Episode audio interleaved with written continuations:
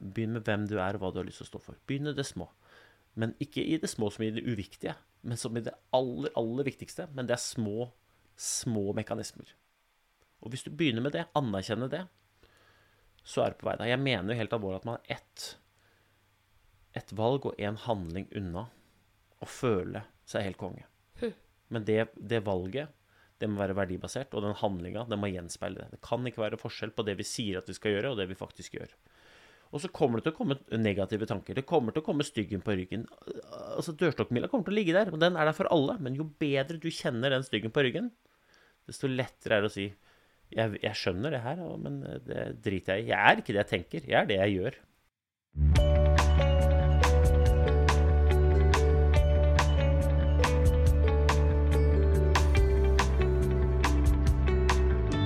Velkommen til eh, podkasten 'Leger om livet'. Jeg heter Anette, og jeg jobber som lege. I dag har jeg en veldig spennende gjest med meg i studio. Eh, han heter Øystein Pettersen, og dere kjenner han som eh, langrennsløper og olympisk mester. Men han er jo også podkaster, forfatter, han er TV-personlighet og foredragsholder. Og akkurat nå er han å se på 'Mesternes mester'. Hjertelig velkommen, Øystein. Takk. Veldig, veldig, hyggelig å være her. Kan jeg få lov til å starte med en gang, eller? Ja, start. Ja, det liksom det, jeg syns det der er spennende, det du sier. Da, for det du sier, det handler jo om hva jeg har gjort. Eh, eventuelt hvilke titler jeg har. Eh, men det, du sa jo ikke hvem jeg var, eller hvem jeg er. Altså, du sa at jeg eh, De tingene jeg gjorde eller gjør. Men jeg er jo pappa.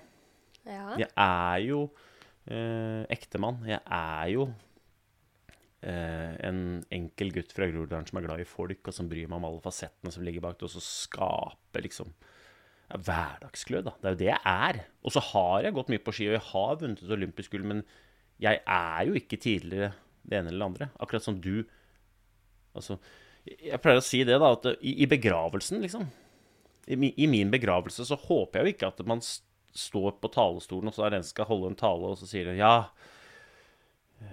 Pappa, pappa gikk bort nå. Han var jo en tidligere skiløper. Det er jo ikke det, er jo ikke det jeg egentlig er. Men det er veldig vanlig også, å på en måte introdusere sånn. Jeg syns det er spennende. Altså, jeg var veldig spent på hvordan du skulle introdusere meg.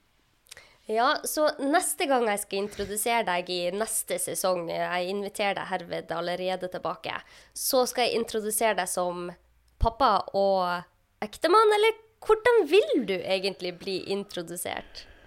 Uh, nei, jeg, eh, far, jeg, jeg spiller en podkastserie selv uh, nå som heter Helt konge, uh, og, og, der pleier jeg å spørre folk hvem de er. Ja. Så de kan introdusere seg selv. Ikke hva gjør du, eller hva driver du med, men hvem er du? Uh, så, men, men min viktigste tittel er pappa. Så Og så er um, mm. Ja, OK, så du har du laga en uh, ny podkast akkurat nå? Mm. Ja. Den har foreløpig null lyttere. OK, ja, men, men, men også null, null, episoder ute på veven, da, så vi får håpe at det jeg er, på, jeg er, ganske sikker på at mora mi kommer til å høre, så er, vi, er en, vi har nok én lytter. Det var veldig deilig. Jeg òg hadde min mor og min far som lyttere i starten. De, de har hørt på hver episode. ja, og jeg, og jeg, lytter. Jeg lytter, og jeg koser meg med episodene. Det skal Åh, du vite. Det setter jeg så pris på at du sier. Eh, det, jeg kommer til å ha en, en veldig, veldig glad nevø som, eh, når han får høre det. For at min nevø, han er jo Han heter Sander, og han er din aller, aller største fan. Ja, ja, men det er jo hyggelig. Han er, han er, er faktisk, han er faktisk ikke bare fan, det er faktisk en underdrivelse. Han, han, Øystein, han ser på hver episode av 'Mesterens mester' og skriver ned alle tidene du har på alle øvelsene, og hvor du kom i, blant eh, de andre, og eh, hvor lang tid du har brukt på rekordene. For at han har begynt å gå tilbake til skolen etter skoletida, han har spist middag og så driver han og øver på dine øvelser sånn at han skal bli like god som deg. ja, altså det er jo veldig hyggelig. Det, det, er jo veldig Altså det er utrolig hvor mye anerkjennelse man får av å være med på programmet. Det er veldig hyggelig, samtidig som um, det aller viktigste, og det er litt av grunnen til at jeg på en måte poengterer hvem jeg er, da, ikke hva jeg nødvendigvis driver med, at uh, hvis jeg blir huska for å ha stått lenge i 90-graderen, f.eks., så mener jeg at jeg har mislykkes på veldig mange andre områder av livet som er veldig mye viktigere enn hvor god du er til å sitte inntil en vegg uten en stol under uh, rumpa. Mm. Uh, ja, jeg mener det. Men du har jo en personlighet som gjør at man blir fort glad i deg, da. Man, man, jo, man heier jo på deg fordi du gjør så mye bra. Og det må jeg si, da har jo du gjort mye rett når du får oppmerksomhet, ikke bare for prestasjonene dine, men fordi at folk liker deg som den personen du er. Og det er jo, det er jo et ordentlig hyggelig skussmål. Altså, de, de, tingene der er jo veldig mye viktigere enn eh, en de resultatene man faktisk skaper. Uh, så, så, jeg takker jo for det. og, og um og dette kommer til å høres både kanskje litt sånn flåsete ut og litt sånn eh, arrogant ut, kanskje, men jeg tenker jo at det Jeg har jo vært, lyst til å være en fyr som folk syns er en bra fyr, da. Mm. Eh, fordi at eh, det avtrykket, det bidraget, det er veldig mye viktigere både for meg, men også for de rundt meg, enn hvor fort jeg løper i skauen i tights, eller uh, hvor lenge jeg er med i 'Mesternes mester', eller ja, hvilke resultater generelt man skaper. Da. Um, og dette, dette, tror jeg er viktig for um, ikke bare for mine egne, men for, for folk også reflektere litt rundt, rundt. For vi har en tendens til også uh, se på hverandre og måle hverandre i et slags hierarki ut ifra hva slags tittel vi har, eller ut ifra fart i løypa, eller status, eller tomler opp eller ditten eller datten. Og så glemmer vi kanskje litt det aller, aller viktigste. Hva slags påvirkning har vi på meg? Altså, Hva er det du bringer til bordet? Hvilken innflytelse har du? Hvordan er det du bruker den posisjonen du har, til å så ja, gjøre de rundt deg bedre, da. Mm. Men det er lett at det drukner litt i lett at det drukner litt i denne prestisjejaget. Uh, og jeg har kjent også på altså, Jeg har vært heldig og vunnet et olympisk gull, og det er fantastisk gøy. Og så har jeg kjent på en måte på um, På forskjellsbehandlinga man får da, i samfunnet gjennom å vinne en olympisk medalje. Og noen ganger har jeg lurt på om det er Øystein som fyr, eller om det er medaljen i seg selv som får denne behandlinga jeg får nå. Hmm. Hva syns du om det å bli behandla annerledes? Eh, nei, altså uh, Forstå meg, det er alltid hyggelig å få anerkjennelse. Det er alltid hyggelig å få, uh, få god behandling, ikke sant? Men hvis premisset for god behandling, eller at man behandler hverandre vel, da, er at man vinner et olympisk gull, så utelukker man jo veldig, veldig, veldig mange mm. fra det det gode. Og det syns jeg er feil premiss. Altså Hvis premisset for å lykkes er at man er best i noe, eller tjener mest, eller sånn eller sånn, så vil jo de aller, aller fleste være dømt til å være tapere. Og mm. inkludert meg selv herfra ut. Jeg, kommer, jeg, har aldri vært best i, og kommer aldri til å bli best i noe. Eh, men jeg har fryktelig lyst til å lykkes allikevel. Jeg har fryktelig lyst til å få den behandlinga jeg, jeg, fortjener. Og så håper jeg jo at jeg fortjener eh, å bli behandla skikkelig. Men det vil jo gjenspeile mine egne handlinger, da. Mm. Jeg syns det er veldig fine tanker, og jeg ser det på legekontoret. Dette er noe jeg òg er veldig opptatt av, at man skal ikke se behandle en person ut fra hva de har mestra i livet eller fått til av bragder. Eh, det å, å, møte en person og faktisk se dem for den de er, det kan være i hvert fall mm, når jeg jobber som lege da, og har pasienter inne, så kan bare det at jeg ser dem, være en enorm kan, kan, gjøre en enorm endring i deres liv, da. Fordi ja, vi, vi, har jo alle blitt født med forskjellige ja, hva skal man si? Man, vi er født med forskjellige muligheter her i livet. Og man kan jo få til det mest utrolige med små midler. Men jeg tror òg det at hvis vi klarer å behandle hverandre på de prinsippene, bare det at vi er mennesker, så får vi til å få et utrolig godt samfunn. Ja, og så er det sånn i Altså Felles for alle da, er at vi påvirker hverandre. Altså Det går ikke an å ikke ha en påvirkningskraft på hverandre, uansett om du løper fort eller sakte eller tjener mye eller lite, eller sånn eller sånn, så påvirker vi hverandre. Og så er det på en måte den effekten vi har på hverandre, som vi bør an anerkjenne. Mer enn hvor du er på rangstigen. Altså, eh, her i oktober så havna jeg på sjukehus, um, og eh, mens jeg lå der Så den som gjorde aller mest inntrykk på meg, og, og gjorde aller størst forskjell eh, når jeg lå da på akuttintensiv overvåkning der, det var vedkommende som kom og vaska. Mm. Fordi at for fem minutter da så skifta det rommet karakter totalt. Fra å være et, eh, et, eh, overvåkningsrom med lukt av sykehus og alt det som hører til det, da, så lukta det bare såpe. Mm. De fem minuttene av den som i det rommet sannsynligvis ble ansett som å være nederst på rangstigen, av hierarkiet, liksom, gjorde størst forskjell. Mm. Jeg, bare, jeg, jeg, jeg, husker jeg takka de så mye. Sånn, eh, du skjønner sikkert ikke hva jeg mener nå, men altså Tusen takk. Dette mm. her Jeg gleder meg til du kommer tilbake i morgen. Og nå skal jeg nyte de neste fem minuttene. Ja, og det Du snakker jo mye om dette med suksess, men for meg så er jo det å kunne gjøre en sånn forskjell det er jo suksess. Og jeg husker veldig godt på sykehuset der jeg jobba i turnus, så var det faktisk en renholdsarbeider som òg ga meg veldig mye. Hun heter Kari. Og hun hadde ei vasketralle der hun hadde skrevet med stort skilt på framsida 'Her er Kari si tralla'. Og hun gikk rundt og gjorde hverdagen til de på sykehuset så mye bedre. Og jeg hadde så stor respekt for henne. Og hun hadde det var så godt å se hvor stolt hun selv var over den jobben hun gjør, for, det, for den var jo kjempeviktig. Men ofte så kan man glemme for en forskjell det er. Så jeg er veldig glad for at du tar opp akkurat det. Ja, det der er eh, Altså, jeg mener virkelig det, da. At det er, det er viktig også å se på effekten vi har på hverandre, istedenfor å putte hverandre i et slags sånn hierarki. Det det, for det er det vi implisitt gjør. Vi spør 'Hva jobber du med?' Mm. spør vi. Og så, og så, i svaret så putter vi hverandre i en slags sånn rangstige. Og da er det ofte sånn noen kan til og med si ja, 'jeg er bare', mm. og så et eller annet. Jeg vet. Jeg, jeg er bare. Mm. Eh, OK. Men, men er, jeg kjenner jo ingen som er jobben sin. Altså eh, Du kan godt være glad i å være lege, men du er jo ikke lege. Mm. Du jobber som lege, mm. men du er jo noe helt annet. Uh, og, og, igjen da tilbake til den begravelsen. Ingen vil noen gang være veldig bekvem med at noen sier ja, her ligger Bjørn, han var lastebilsjåfør.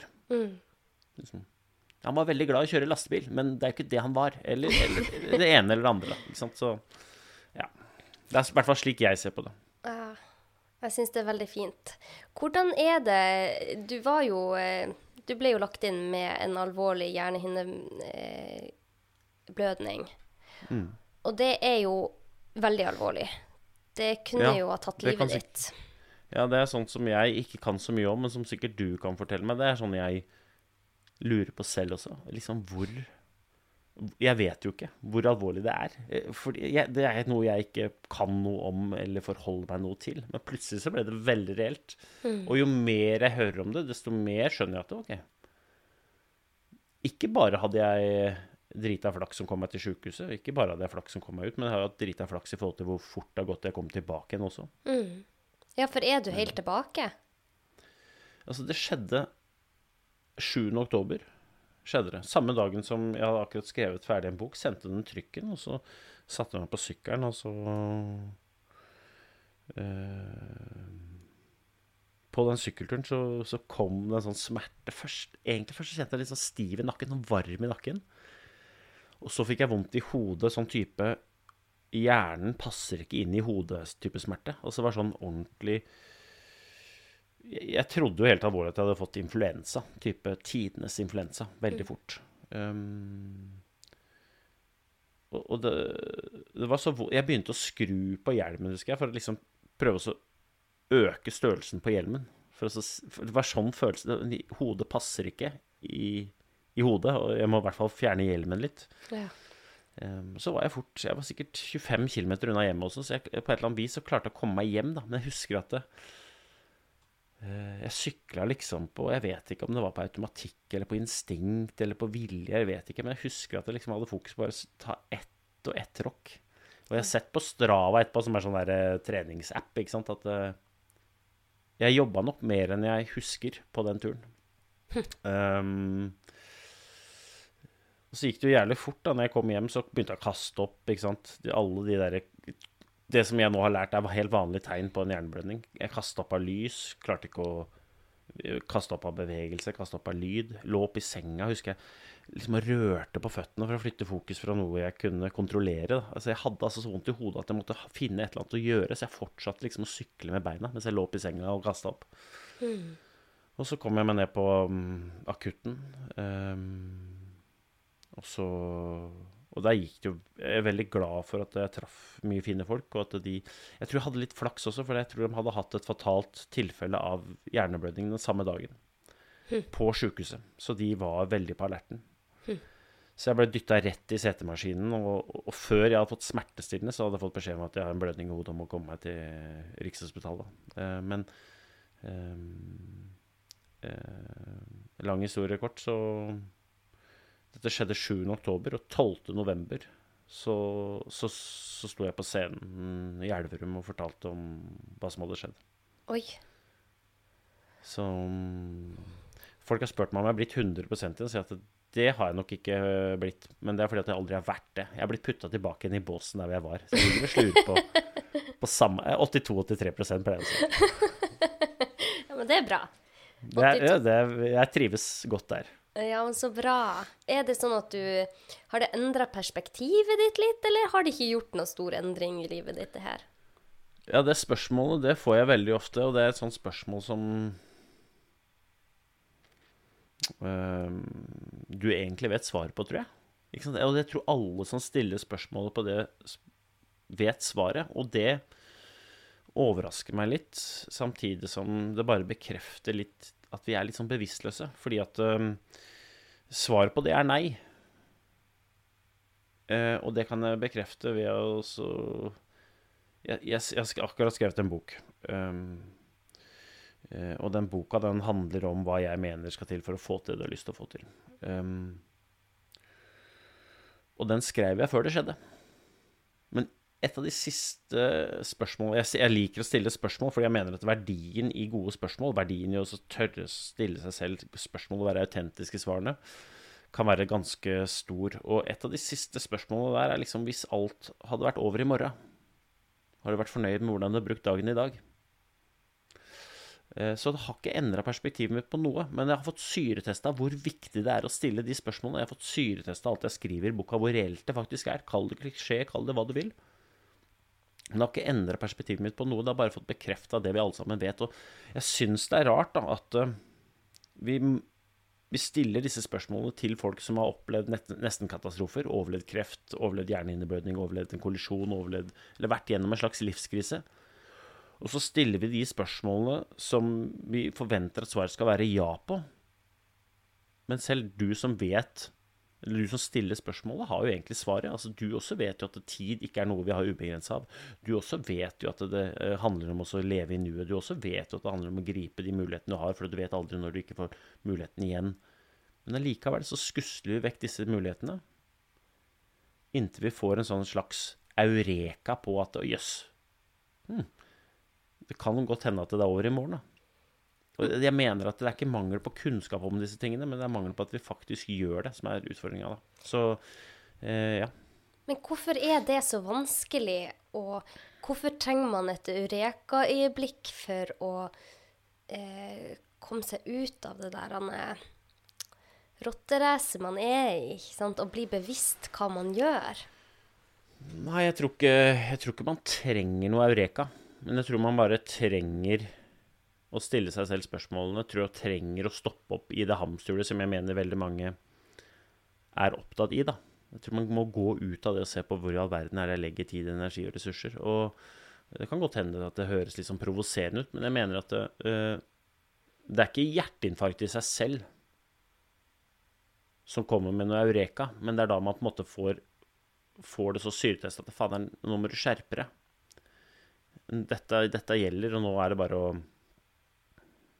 skifte kurs, da. Mm. Så, så jeg, jeg, men det ligger jo noen ting der og skurer. Jeg, jeg pleier, I boka så har jeg putta alle sammen inn i dørstokkmila. Dørstokkmila er jo noe som jeg tror alle sammen har et forhold til. Um, og, og, og innholdet i, i dørstokkmila den er nok ulik veldig mange. Men jeg tror det handler om å bli kjent med hva som ligger faktisk og skurer for en selv. Da. Hva er det som gjør at altfor mange er i live, og altfor få faktisk lever? Og jeg skjønner at det er en provoserende setning å si, men jeg mener det. Og jeg er helt sikker på at veldig mye der ligger, på, ligger i elementene i dørstokkmila. Eller det kan være styggen på ryggen. Altså, alle sammen har styggen på ryggen. Styggen på ryggen den er der for absolutt alle, og styggen på ryggen snakker til deg på en måte du ikke ville tillatt deg selv å snakke til noen andre. Allikevel så hører vi på styggen til ryggen. Men gjennom å bli kjent med styggen på ryggen, gjennom å kartlegge eh, dørstokkmila på forhånd, så tror jeg det er veldig mye lettere å trosse den og faktisk gjøre det som klisjeene sier, da. Leve nuet. Altså, jeg vet at du har hatt eh, Jonas Bergland på podkasten, en, eh, en veldig god venn av meg. og Supersmart fyr.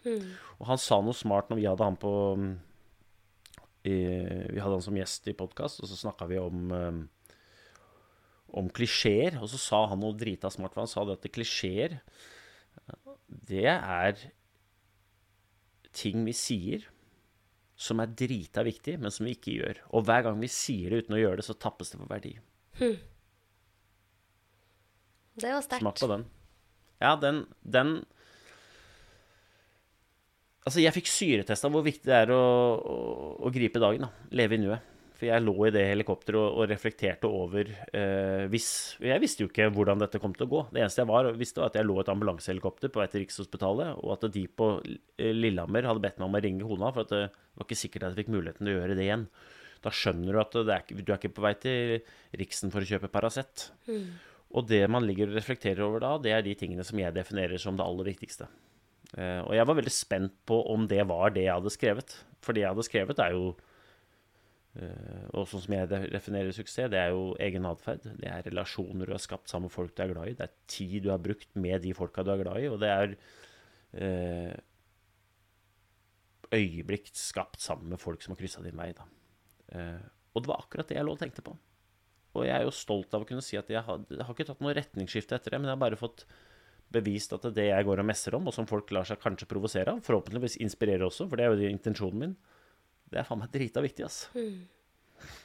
Lag en god dag, sier jeg jo, det er det mange som henger seg opp i, og det blir ikke noe mindre messing om det framover. Og det er jeg veldig glad for. Men det jeg ser da, er at det er veldig mange som skriver til meg og spør hvordan kan jeg få et godt liv? Hva kan jeg gjøre? Hvor, hvordan vet jeg hva som er meninga for meg? Eh? Det er mange spørsmål, og det er mange Vi vet at det er veldig, veldig mange i Norge som sliter. Hvorfor tror du det er sånn? Eh, det er et kjempegodt og vanskelig spørsmål som igjen jeg ikke har noe svar på. Altså, det er veldig lett når man er gjest i en podkast, f.eks., eller når man står på en scene. Jeg står veldig mye på en scene, så får man litt sånn allviterrolle. Um, og det har jeg verken fortjent eller har jeg lyst på, men uh, det jeg er god til, er å stille spørsmål. Og så opplever jeg veldig ofte at hvis jeg stiller spørsmål og folk tør å svare på de selv, autentisk, så finner de de svarene de vil ha. Så hvis du spør meg f.eks. de spørsmålene du stiller, hva er det som skal til for at folk skal få det sånn som de har lyst til å ha det, så er jo spørsmål én hva er det du har lyst til å gjøre? Hva er det du har lyst til å få til, da? Altså, det å få til noe, det er jo mange ting rundt det, men det- starter i hvert fall med å vite hva det er du har lyst til å få til. Om det er i livet, eller om det er i det ene eller det det andre. Altså, det er drita viktig å ha et bevisst forhold til hva man har lyst til å få til.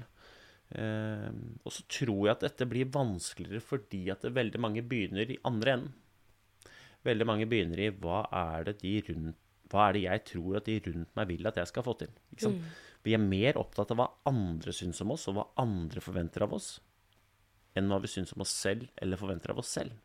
Og allerede der er vi ute på sviktende grunnlag. Og hva hvis om at det dersom at det som er forventa av deg, de rundt deg, ikke er det du har lyst til? Det kan godt hende, og dette er min oppfatning, da, men det kan godt hende at For jeg tror nemlig at veldig mange jager disse ytre tingene. Som samfunnet forventer av oss. Men jeg tror at man kan godt nå disse resultatene. Men jeg tror ikke at man opplever suksess. Fordi at resultater alene er ikke det samme som suksess. Jeg mener at suksess er en følelse. følelsen du har når du står opp om morgenen og legger deg om kvelden. Og det er litt uavhengig av de resultatene du skaper, men den er 110% avhengig av den atferden du har, og det du gjør, er faktisk viktig for deg, da. For hvis du ikke gjør de tingene som er viktige for deg, så vil du aldri lykkes, uavhengig av resultater.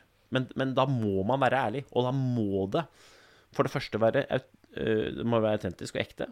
Men så kan det heller ikke være forskjell på det du gjør, og det du burde gjøre. Da kan det ikke være sånn at den du har lyst til å bli, eller den du er, står i veien for den du har lyst til å bli. Da kan det ikke være sånn at man løper rundt sin egen hale i et hamsterhjul for å tilfredsstille alt og alle. Men da må man faktisk tilfredsstille seg selv og sine egne verdier og sine egne krav. Men det er ikke, ikke betydningen kjøre over de rundt deg, men i betydningen vær tro til dine egne verdier. Altså Definer hvem du har lyst til å være, hva du har lyst til å stå for, og hvordan den du har lyst til å være, har tenkt å gjøre det du er i ferd med å gjøre. Og hvis du gjør det, så tror jeg at du i stor grad kommer til å finne deg sjæl og føle deg ganske bra. Og I tillegg så vet jeg at hvis du gjør de tingene du har lyst til å gjøre på den måten som du egentlig har lyst til å gjøre det, mm. så kommer du til å prestere så godt at resultatene dine over tid kommer til å være ganske gode. Mm. Og da må man gjøre den jobben, da. For det er veldig lett det er jo kanskje derfor at flere er i hamsterhjulet enn ikke, fordi det er så mye lettere å være i hamsterhjulet. Du slipper å stille de vanskelige spørsmålene til deg selv, og du slipper å, å, tenke over hvem er jeg egentlig, og hva er mine verdier og prinsipper her i livet. Men jeg tror at når du først har tatt den samtalen med deg selv Sånn som jeg, jeg har jo Jeg gikk gjennom dette for en del år siden. og jeg skrev ned hva, hva er mine verdier, hva er mine grunnprinsipper. Og da er det mye lettere når du står overfor valg etter valg, for vi har jo veldig mange valg i løpet av et år og en dag. Men da kan du se tilbake. OK, men er dette valget Hvordan ser mine verdier og prinsipper ut? Følger jeg de nå? Nei, det gjør jeg ikke hvis jeg sier ja til det. OK, ja, men da takker jeg nei der. Da er det veldig enkelt å ta det neste steget. I hvert fall føler jeg det. Men det tar jo litt tid å se igjennom hva, hva er egentlig viktig for meg, og hva er det egentlig jeg vil. Da må man jo bli bevisst. Altså, jeg mener å pirke borti kjernen av alt sammen. Altså, det der er um, Og det der høres litt sånn ja, Det høres ut som en klisjé. Mm, det er ja. det er. Dette er, dette er flåsete sagt, Anette. Mm, mm. Altså sånn Gidder du Her sitter du og har podkast og Men det er ikke så lett for meg. ikke sant? Jeg er uh, Anette, jeg har uh, masse unger og jeg har masse jobb, og det er ikke så lett for meg. Jeg er opptatt med å være opptatt, og jeg har ikke tid til det der fjaset ditt. Mm. Men akkurat det er nerven. da, ikke sant? Jeg, jeg, tror man må faktisk sette seg ned slik at man kan spille seg selv god gjennom å vite hvilke rammer er det jeg må forholde meg til for å lykkes. Ikke for å skape resultater alene, men for å lykkes. Hva er det som skal til for å lykkes? Og da må man definere hvem er jeg? Hva er det jeg føler? Hva er det jeg må gjøre for å føle at jeg lykkes? Da, da er det så mye lettere. Jeg mener at det Jeg mener at det er veldig mye lettere å velge riktig hvis man på forhånd har bestemt seg for hvordan man skal agere. Mm hvis man har bestemt seg på forhånd på hvordan man skal agere, så er det dritmye lettere å velge riktig når situasjonen, utfordringa, krisen, muligheten oppstår. Mm. Og det her er lett å ikke sant? For eksempel, mange sier at kriser skaper gode ledere. Og jeg mener ikke det. Jeg mener at kriser avslører hvem som har bestemt seg for hvordan de skal håndtere kriser, lenge før krisa oppstår. Og så ser vi det som gode ledere. Men det er bare fordi de er forberedt når det kommer. Fordi at når krisene kommer, når utfordringene oppstår, så kommer følelsene. Og hvis du lar følelsene styre atferden din, mm. så er det på tynn is. Mm. Men hvis du har bestemt deg for at verdiene dine eller styresettet ditt skal styre atferden din på forhånd, så er det jævlig mye lettere å rasjonalisere det du står oppi, og velge riktig. Men da må man bestemme seg på forhånd. Mm. Når føler du at du tok den eh, tok den veien og, og, begynte å se på ah, hvem er jeg egentlig? Hva er det jeg vil? Skjedde dette tidlig i livet ditt, eller er det noe som har kommet med tida? Ja, igjen da med fare for liksom Jeg må bare minne lytterne om da, at uh, eh, at eh, jeg er ikke noe bedre enn noen andre. Men jeg er ganske bevisst på disse tingene. Og jeg baler med akkurat de samme tingene som alle andre. Men eh, jeg drev med idrett, har drevet med idrett veldig mye. Og så i 2012 så ble jeg pappa. Pappa til Oda. Eh, og det Jeg, som alle andre foreldre, sier at eh, det å være pappa er min viktigste tittel. Jeg har altså så lyst til å være en god pappa. Det er gøy å gå på ski, men det aller viktigste for meg er å være pappa. Det første året til Oda så reiste jeg rundt i verden og gikk på ski. Jaga medaljer. Mens jeg sa at jeg var pappa. Og det var det viktigste. Og så var jeg jo ikke pappa, for jeg var jo ikke til stede. Det året så lada vi opp til OL i Sotsji, som var da 2014. Eh, og vi var mye borte. Så jeg var borte over 200 døgn det første året til Oda. Og så husker jeg at jeg hadde vært i prøve-OL i Sotsji og VM i Valdres Fjemme Fiemme 2013. Oda hadde akkurat lært seg å gå. Så mens jeg var borte, så lærte Oda seg å gå. Og så gleder jeg meg så mye til å reise hjem, ringe på døra, og så få Oda til å komme mot, deg, mot meg da, med stabbende små skritt og gi meg en klem, ikke sant. Jeg hadde laget et sånt fantastisk bilde av det. Um, og når jeg da kom hjem og ringte på døra, så ringte jeg jo på for at hun skulle komme, så jeg lukka opp døra selv, selv om jeg ringte på. Men hun kom jo ikke gående, for hun sto jo gjemt bak kona mi i enden av gangen. Fordi hun kjente ikke han fyren som satt i døråpningen. For han hadde vært borte over 200 døgn av hennes ettårige liv. Så for, for henne så var jeg bare en fyr. Og hun er skeptisk til fyrer. Eh, Så det var det knyttneveslaget. da. Det vonde her er jo at jeg gjorde ikke noe endring i atferd. Tok ikke noe retningsskifte før jeg ble tvunget til det. Og da er vi jo rett inne på hvorfor er det så vanskelig å få til. Hvorfor trenger vi en eureka? For jeg også trengte en eureka, men min eureka kom i form av at jeg mista plassen min på landslaget. Og da ble jeg kasta ut av hamsterhjulet mitt, som jeg løp i. Jeg, helt, jeg, jeg, eier den historien, selv om den er drita vond. Så eier jeg den at jeg løp rundt og jagde resultater i skiløpa. Men uansett hva slags resultater jeg skapte, så følte jeg meg aldri helt konge. Fordi jeg lyktes ikke med det som er viktigst for meg. Så når jeg da i 2014 mista plassen min på landslaget, så var det lett å ta et valg. Da sto jeg og kikka meg sjæl i speilet, bokstavelig talt. Hvem i all verden er det du er, Høystein? Hva er det du står for? Hva er det du bringer til bordet? Hva er det, du, hva er det aller viktigste for meg? Og da lagde jeg meg tre suksesskriterier. Fordi at eh, jeg skjønte, og har hele tiden kjent, at det å være pappa var det viktigste for meg. Men jeg hadde den klumpen i magen, for jeg visste at jeg var jo ikke noen pappa. Så tid til familie var det viktigste. Og så var det tid til å trene, for jeg hadde lyst til å gå fort på ski. Og så var det tid til å hvile. Og det var de tre tingene som jeg skulle styre alle mine valg etter. Hvis de gikk på, på bekostning av noen av de tre, så var svaret nei. Og det er dritegoistisk. Men familien min kjente på det, jeg kjente på det, og resultatene mine ble dritgode fordi at jeg hadde ikke noe klump i magen. Jeg følte meg stort sett helt konge og gjorde så godt jeg kunne innenfor de rammene jeg hadde, og ble en bedre skiløper og bedre pappa. Og, og så 2014 så tok jeg det valget. Jeg skulle ønske at jeg gjorde det i 2012, men det gjorde jeg ikke. Var dette en prat du tok med kona di, da? Nå ser jeg hva jeg trenger å gjøre, og jeg har vært i et hamsterhjul. Eller eh, så hun plutselig bare at du har prioritert det annerledes? Men vi hadde nok ikke den der typiske praten. Men jeg er helt overbevist Eller jeg vet jo at hun merka forskjell. For det er veldig stor forskjell på en fyr som reiser 200 døgn i året, og som plutselig bestemmer seg for at nå er jeg ferdig med å reise. Jeg, jeg, skal, jeg må gå skirenn, men jeg skal gå færre skirenn. Jeg er ferdig med å trene to ganger om dagen. Jeg trener når du er på jobb og Oda er i barnehagen. Og så er jeg pappa fra klokka tre og utover. Altså, En av mine suksesskriterier er å hente kidsa klokka tre på skolen. Og det er det fortsatt. Og jeg skjønner at jeg taper penger på det i form av at jeg ikke kan være hos kunder hele tiden, men hva skal jeg med de pengene? Jeg føler meg helt konge. Jeg kan eh, stikke ned og skal hente Sigurd klokka tre på SFO etterpå. Og så skal vi ha fredagskveld. Kanskje vi rekker en skitur før han skal se på far fjase rundt på 'Mesternes mester'. Så, så hadde, vi hadde nok ikke den praten, men jeg vet at hun setter pris på det. Men enda viktigere, jeg setter pris på det. For det å være egoist er jo i veldig manges øyne negativt. Folk sa til meg når jeg reiste rundt at ja, du må være egoist som skal lykkes som toppidrettsutøver. Jeg mener at man må være egoist hvis man skal lykkes overhodet. Men det å være egoist betyr ikke at du kjører over de rundt deg. Jeg var jo absolutt ikke egoistisk når jeg i to år, fra 2012 til 2014, reiste rundt, sa at det viktigste må være pappa, men ikke var det. Men fra 2014 så sa jeg at det viktigste må være å være pappa, og jeg driter i hva alle andre mener. Jeg skal være pappa. Så da var jeg superegoist. Jeg tror ikke familien har angra på det.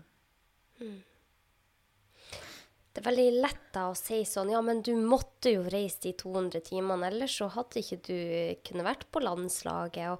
Og det er veldig mange Jeg kan jo se det der at man kan si jeg, jeg er nødt til å ta de valgene på tross for På tross av at jeg ønsker å være en god mor, så er jeg nødt til å gjøre dette og dette og dette og dette. Eh, hva, hva tror du skal til for å endre den mentaliteten, da? Ja, det er et veldig godt spørsmål. Um, Jeg har stilt meg selv det samme spørsmålet sjøl, da. Um, Hvorfor turte jeg ikke å gjøre de valgene jeg visste jeg måtte gjøre? Hvorfor klarte jeg ikke å utfordre det etablerte? Hvorfor tok jeg ikke de valgene? Og jeg tror veldig mye av svaret ligger på, ligger på denne I denne dørstokkmilen. Altså, og der er det mye, mye forskjellig som ligger. Men blant annet kultur kan ligge der. Og jo sterkere kultur det er du skal utfordre, desto verre kan det være. Men jeg tror at det handler om bevisstgjøring, ikke bare for den selv, men også for de rundt deg. Hva er det jeg trenger for å skinne? Hva er det jeg trenger for å være Om det er en god skiløper, om det er en god fyr, en god pappa, eller om det, for deg, da, hva er det du trenger for å være en, en god Om det er podkaster eller mamma eller ditten eller datten. Altså den derre det å ha en forventningsavklaring rundt hva hver enkelt trenger for å få det bra, og til og med prestere godt, tror jeg er drita viktig. Så jeg, jeg, tror det, jeg tror- det er et veldig godt utgangspunkt. Og så eh, er det selvfølgelig lettere sagt enn gjort, det. Men grunnen til at det er lettere sagt enn gjort, er jo denne dørstokkmila. Altså, det er veldig lett å bli løpende i hamsterhjulet, selv om vi vet eller kjenner at dette er feil. Men det er tryggere å bli der hvor det er feil, fordi at det, det er i hvert fall det jeg kjenner. Og det er det folk forventer av meg, og da, da slipper jeg å stikke meg ut. Enn å ta det skrittet ut og si fordi at eh, vi har en tendens til å se framtida med hukommelsen. Vi har en tendens til å identifisere oss selv med den vi har vært. Og det er derfor jeg sier den du har vært, står ofte i veien for den du kan bli. Og hvis vi er helt ærlige, så har vi mer kontroll over tiden vår enn vi liker å innrømme. Men det er bare så lett å bli revet i alle ender, fordi vi har ikke noe klar strategi på hvordan vi skal håndtere det som kommer. Ikke sant? Vi har ikke noe definert retning, vi har ikke noe definerte rammer. Jeg sa det i stad. Så det er lettere å velge riktig hvis du på forhånd har bestemt deg for hvordan du skal håndtere det. Ja, Der ligger nerven. Og så er det veldig lett å ta valg som ikke er riktig for deg, eh, begrunna òg at eh, Kanskje du merka det når du var skiløper og reiste 200 døgn i året. Du fikk jo sikkert masse positive tilbakemeldinger. Tenk at du er på landslaget. Det er helt rått det du får til. Og det er klart du må ofre tida med Oda. Det er, ikke sant? eh, Samfunnet rundt backer jo at du er kanskje en person du egentlig ikke er, men som gir mer status. Og Ja, og da er vi inne på suksessspørsmålet igjen, ikke sant? For det er sånn, hva er det vi Ja, der kommer du, og du er skiløper på landslaget. Nei, jeg er ikke skiløper på landslaget, men jeg går på ski på landslaget. Det stemmer. Men jeg er egentlig pappa. Men dessverre så er jeg en jævla dårlig pappa. For jeg flyr, fly rundt her med reklame på dressen min og, og jager rundt skauen. Og uansett hva slags resultater jeg får, så vil jeg fortsatt vite innerst inne at jeg er en dårlig pappa. ja. Og, og de vi ser på som suksessrike Det er ikke alltid det. Men de har gode resultater, veldig mange av de. Verdens morsomste mann, Robin Williams, tok livet sitt. Ari Behn tok livet sitt. Det er drittrist. Simone Biles, eh, kanskje sommer-OLs største stjerne, hun var altså så deppa at hun gadd ikke å stille opp. Men alle som ser henne rundt, ser på henne som en strålende suksess. Ja. Men dama har altså sånn klump i magen at hun ikke engang gidder å gjøre det hun liker å gjøre aller best. Og da kan man da godt si at hun har gode resultater, men hvis du spør henne om hun har lykkes, da, så er jeg ganske sikker på at hun svarer akkurat nå føles ikke sånn ut. Fordi suksess er en følelse. Jeg pleier å si at resultatene dine de kan jeg finne på internett. Men graden av suksess, det ser jeg i øya dine. Merker det på energien din. Jeg ser det på fargen i kinna dine, og det er noe helt annet. Men, men jeg er glad i gode resultater. Jeg har høye ambisjoner, og det er ikke det. Men suksessen, den, føl, den måler jeg på den følelsen jeg har i magen når jeg legger meg om kvelden. Altså. Og den er alltid basert på atferd. Jeg syns du har så veldig gode verdier, Øystein, og det er derfor jeg har hatt ønske om å ha deg med i podkasten lenger. For det du står for, det resonnerer veldig hos meg, og det tror jeg òg lytterne mine vil eh, sette pris på. For det er veldig viktige verdier, og du tar valg som er riktig for deg. Og jeg tror det at når du tar da valg som er riktig for deg, og du har det bra, så får de rundt deg òg det bra. Du kan ikke styre hvordan, eh, om din bror skal slite eller ikke, men du kan styre hvordan innflytelse du har på han.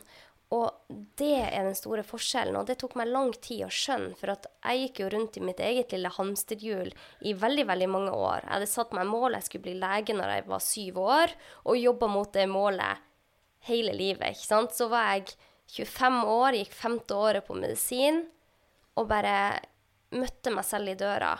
Og da måtte jeg virkelig gå, gå igjennom hva er det hva er det som har skjedd her? Jeg er jo en suksess i andre sine øyne. Jeg får jo til uh, Jeg får jo gode karakterer på studiet. Jeg er jo snart lege. Jeg er godt likt. Jeg har masse venner.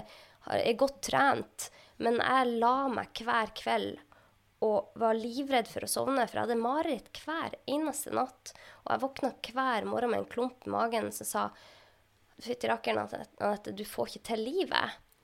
Og da har jo ikke jeg selv om jeg er en suksess utad, og jeg trodde selv jeg gjorde alt rett, så når jeg måtte gå igjennom hva jeg egentlig driver med, så skjønte jeg jo at jeg hadde jo gått på akkord med meg selv i veldig lang tid. Jeg gjorde jo alt det andre sa som skulle til for at jeg skulle være en suksess, men jeg gjorde ikke det, de tingene jeg selv hadde lyst til å gjøre. Og jeg syns det er så synd at vi må komme dit. Jeg var jo veldig langt ute når jeg ble henta inn. Jeg syns det er synd at man må komme dit for at man skal snu i livet. Jeg har veldig lyst til at man kan snakke med ungdom som har det bra, og kan eh, hjelpe dem på rett vei videre, enn at man hele tida må gå til de som virkelig har det dårlig, og prøve å få snudd en skute, for det er mye, mye vanskeligere, det. Og det er det du gjør, Øystein. Du skriver en fantastisk bok om hva suksess egentlig er, og hvordan man kan få det bra. Og det er jo forebyggende arbeid det du driver med, selv om du kanskje ikke har tenkt på det, men det er jo det du gjør. Og det, det er det jeg brenner så utrolig for. For at får vi til den forebyggende delen i samfunnet, og bruker ressurser der, så kan vi få det så mye bedre, alle oss her i livet vårt. Og ja, jeg syns du gjør en kjempejobb der, Øystein. Det er hyggelig. Jeg, jeg, jeg tror du er inne på uh, For dette det er veldig lett å tenke at uh, ja, For å bruke meg selv som eksempel, at veldig mange sier ja, du er jo positiv hele tiden, pølsa eller ditten eller datten. Og det er jo bare fjas. Jeg også har dager som er uh, strulete, ikke sant. Men det jeg er veldig opptatt av, er å anerkjenne at jeg faktisk kjenner det. Å ja, men jeg kjenner jo på kroppen når jeg har det bra, og når jeg ikke har det bra. Og så på en måte er jeg veldig da opptatt av å Når jeg kjenner på disse negative følelsene, stille spørsmål. Hva er årsaken til disse følelsene? Hvorfor har jeg denne klumpen i magen? Hva er det som ligger her sånn mm. og hindrer meg i å føle meg bra? Uavhengig av hvilke resultater jeg skaper. For hvis jeg får svar på det, så vet jeg hva jeg kan ta tak i for å snu følelsen. Så om det er uh, denne klumpen i magen, som jeg kjenner veldig godt igjen jeg, Når jeg ga meg på ski, var ikke det fordi jeg ikke var noe glad i å gå på ski lenger, men fordi at uh, jeg ikke lenger brydde meg nok om målet. Jeg hadde flere Jeg mangla de gode grunnene til å fortsette å gjøre jobben. Eh, og det tryggeste hadde vært For jeg var ganske god på ski når jeg ga meg. Eh, og det tryggeste hadde vært å bare fortsette å løpe. Og det kan godt hende jeg hadde skapt fantastiske resultater, men jeg hadde jo ikke lykkes, for jeg kjente den klumpen i magen, og den var reell. Så jeg måtte bare stille spørsmål ok, hva er denne klumpen? Og så fant jeg ut at jeg bryr meg ikke så mye om det. Om jeg går blir nummer 1, 5 eller 15, spiller ingen rolle. Ja, men ok, man kanskje skal finne noe annet da, som er gøy. For at uh, jeg har jo lyst til å stå opp hver dag og legge inn tid, energi og ressurser på noe jeg virkelig brenner for. Og så da sa jeg til gutta på laget at jeg kommer til å legge opp, jeg. Jeg er ferdig. Jeg, så nå går jeg ut sesongen, og så gir jeg meg. Klumpen den forsvant med en eneste gang. Det var ikke noe stress, det. Og så på en måte, Sånn er jeg. Så jeg tror ikke man skal være på en måte redd for å kjenne Man skal være glad for at man kjenner på de følelsene. Av at ting er litt sånn ikke helt bra, da, om det er umotivert, eller om det er deppa eller en eller annen. For da får du egentlig en mulighet til å stille spørsmål som kan gi deg nøkkelen. Mm. Den dagen du skal være bekymra, er jo når du er likegyldig. ikke sant? Den dagen du ikke lenger bryr deg om at du føler deg dårlig. Da må du være på vakt. Det er skummelt. Men fram til da så er det bare å stille seg selv disse spørsmålene hele tiden.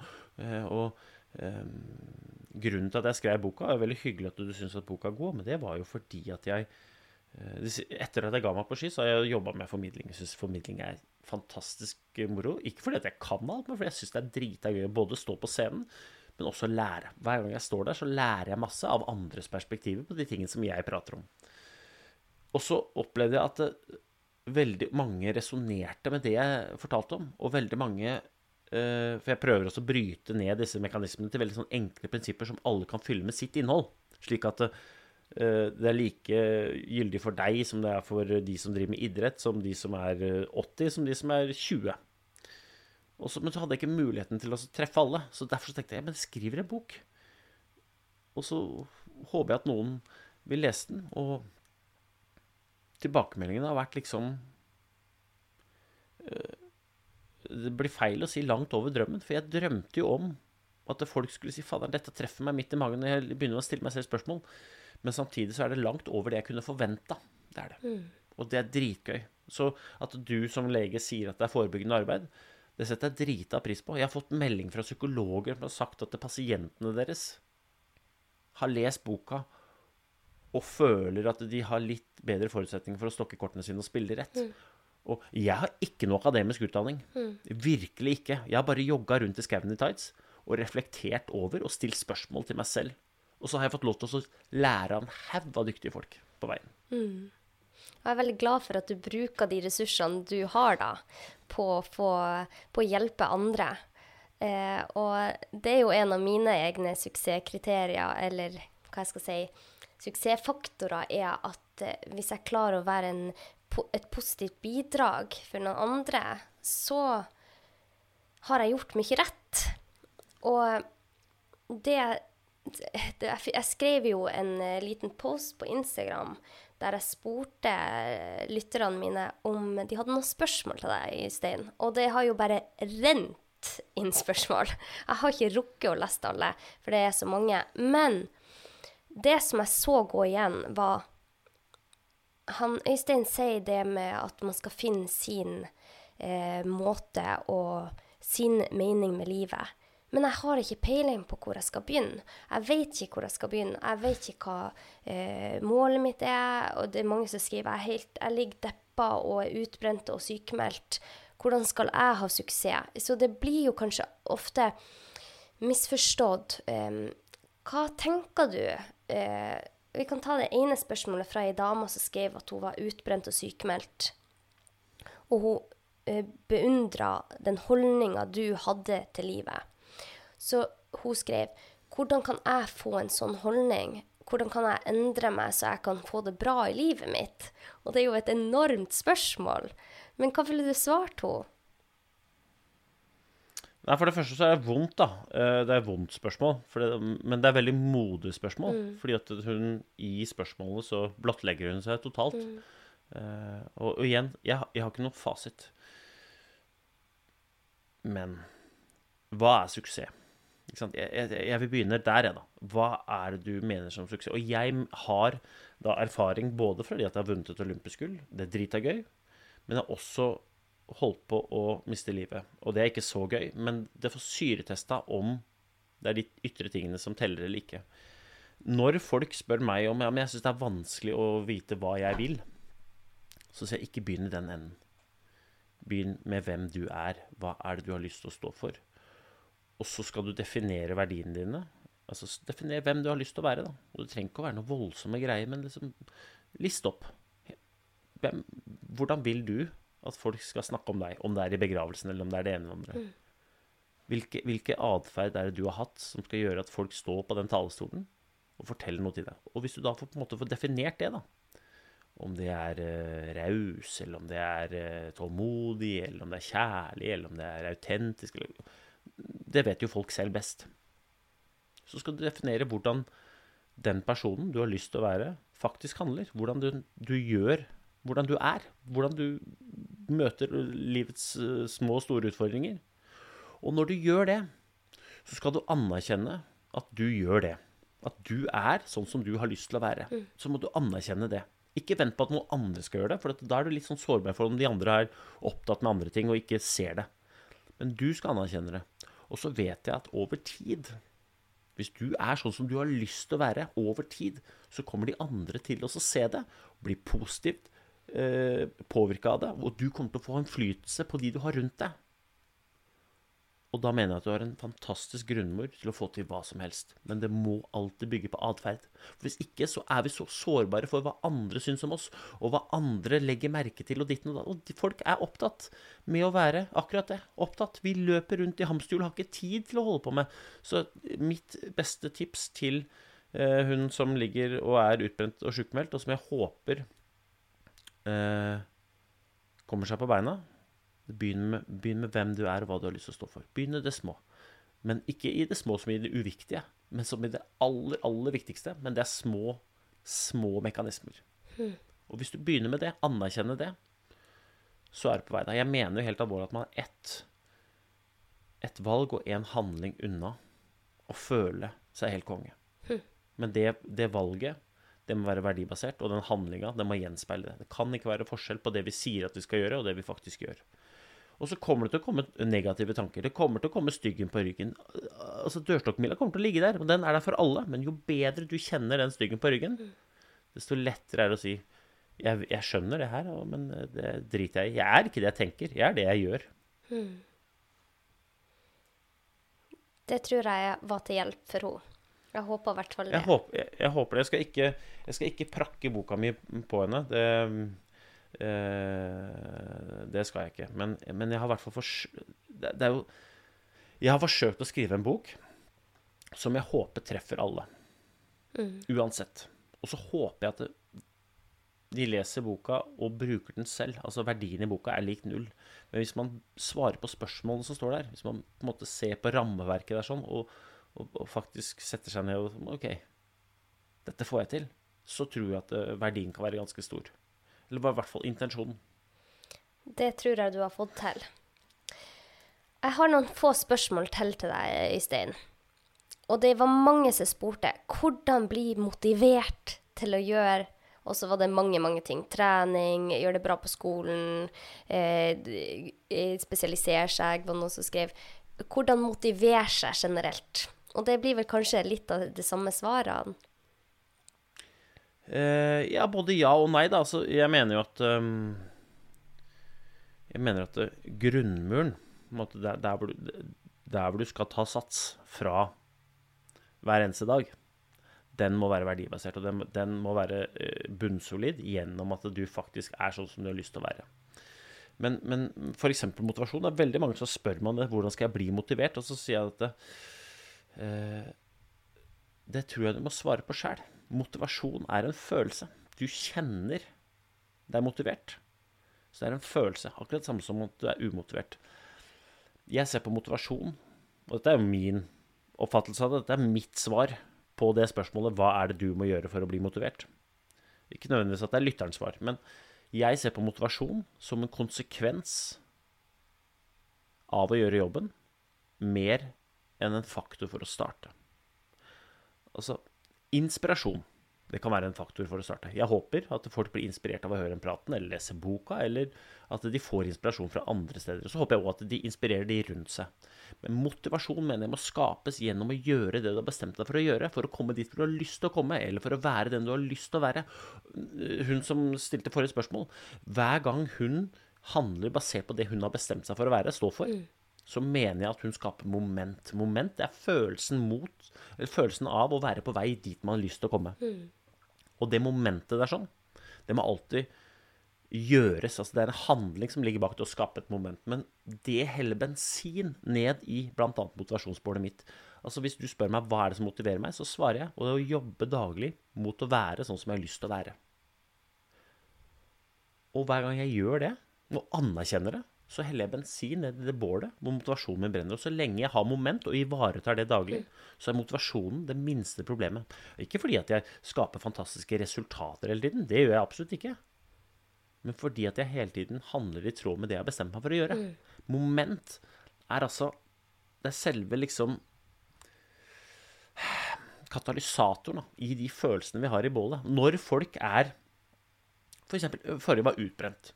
Og hun er ikke utbrent fordi at hun har hvilt seg til det.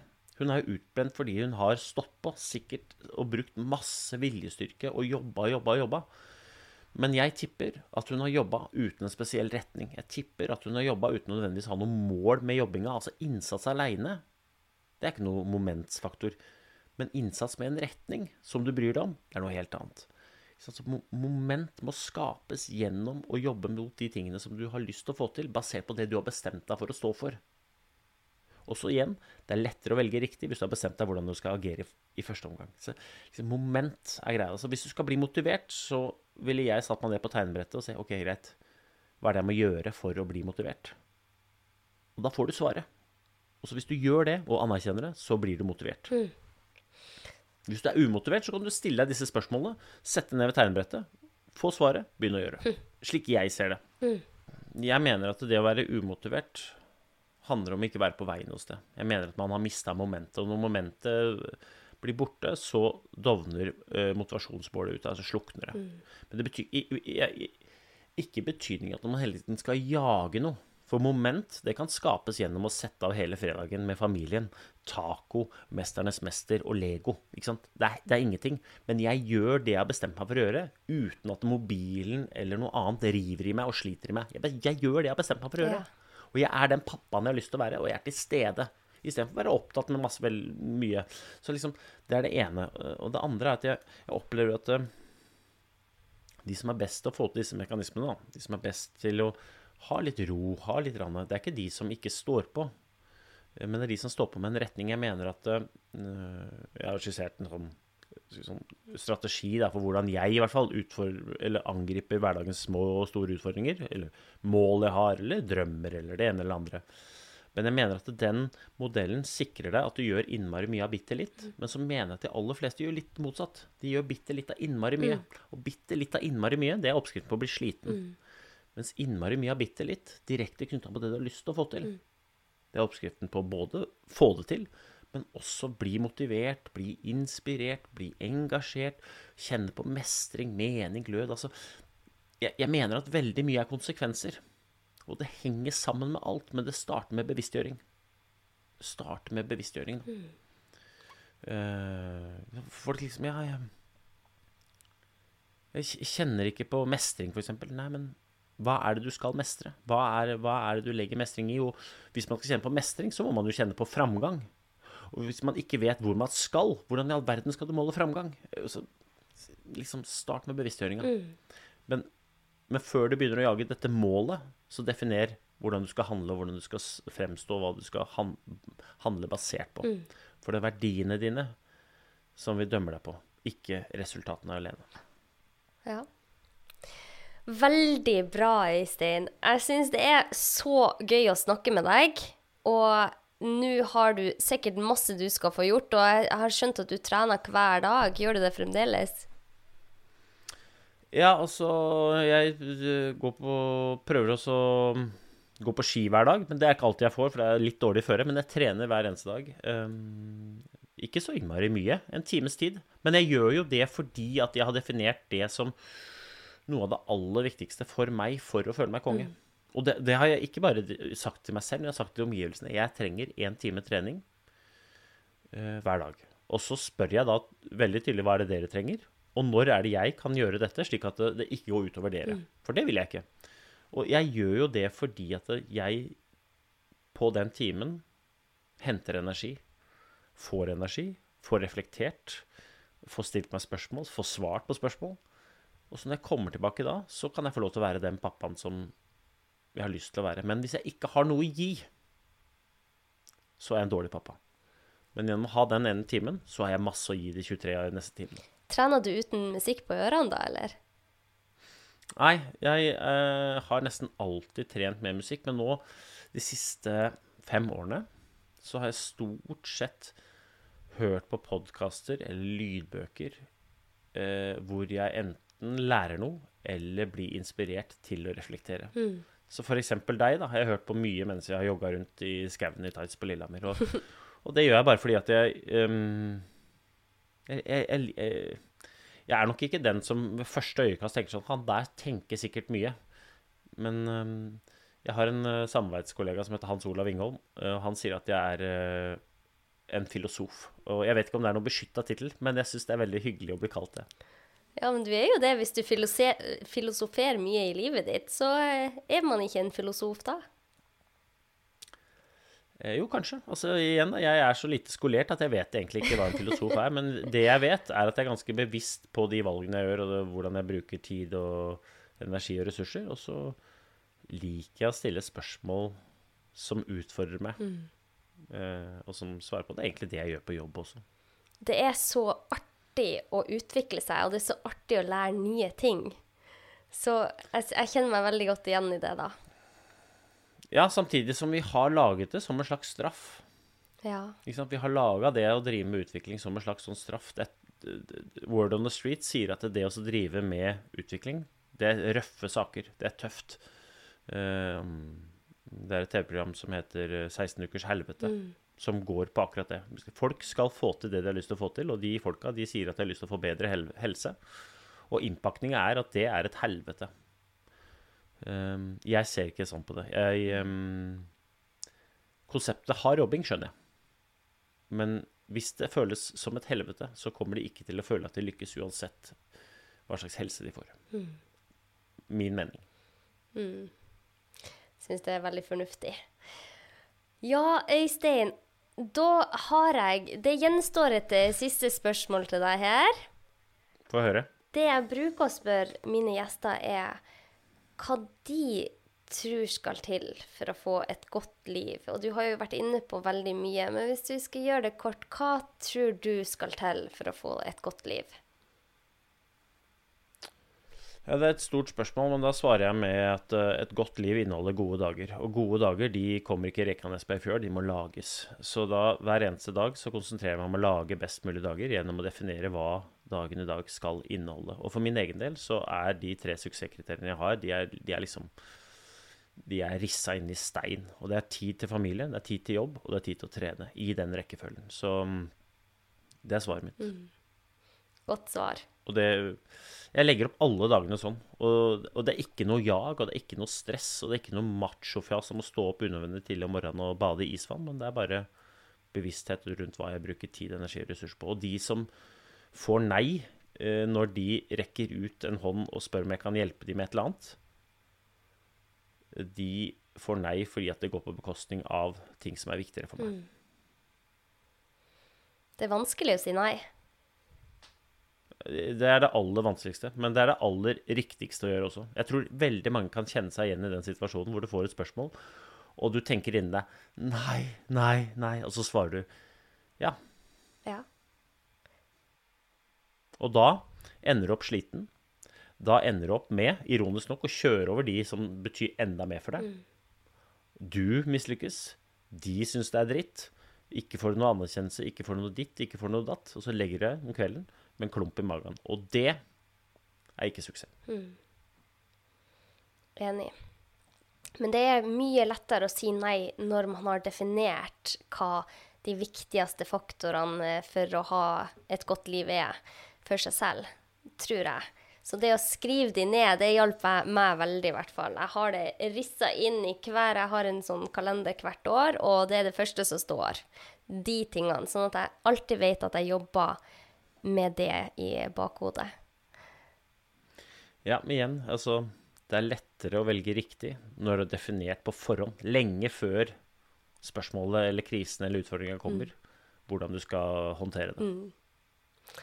Så bra, Øystein. Jeg er kjempeglad for at du ble med i podkasten min. Tusen takk for at du tok deg tid til det her.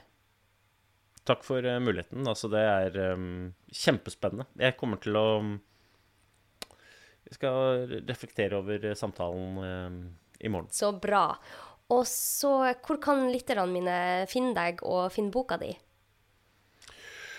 Eh, meg finner de på Lillehammer, sånn fysisk. Eh, og så er vi Jeg er jo aktiv både her og der, så ikke, jeg, er veldig, jeg, er veldig, lite forfengelig. Ta gjerne kontakt hvis dere lurer på noe eller eh, har noen refleksjoner eller jeg har lyst til å arrestere meg på noe, for det er kjempegøy. Det er sånn jeg lærer. Mm. Og boka mi, den finner du der hvor du finner bøker. Så bra. Så det er bare å mm, Jeg håper jo at de som mm, Jeg kan si det sånn, da at ikke kjøp boka hvis eh, du ikke har tenkt å bruke den til noe. Da kan du heller kose deg med 'Mesternes mester'. Men hvis du tenker hm, det der er litt spennende, så les boka. Så bra. Og den anbefales varmt. Da sier vi takk for oss i dag, Øystein. Og hvis dere har noen spørsmål, så kan dere jo nå han Øystein da på Instagram på Øystein Pettersen. Og dere kan nå meg på Leger om livet. Og hvis dere føler at dette er en episode som eh, gir deg noe som kan være til nytte for noen andre, så del den. Det er sånn vi får ut den gode kunnskapen. Og med det så sier vi takk for oss, Øystein. Det er eh, Kan vi, kan vi få lov til å avslutte med 'lag en god dag', eller er det blir jeg for Det syns jeg du skal få avslutte med. Ja, men da sier vi bare det. Lag en strålende dag, folkens. Ha det godt.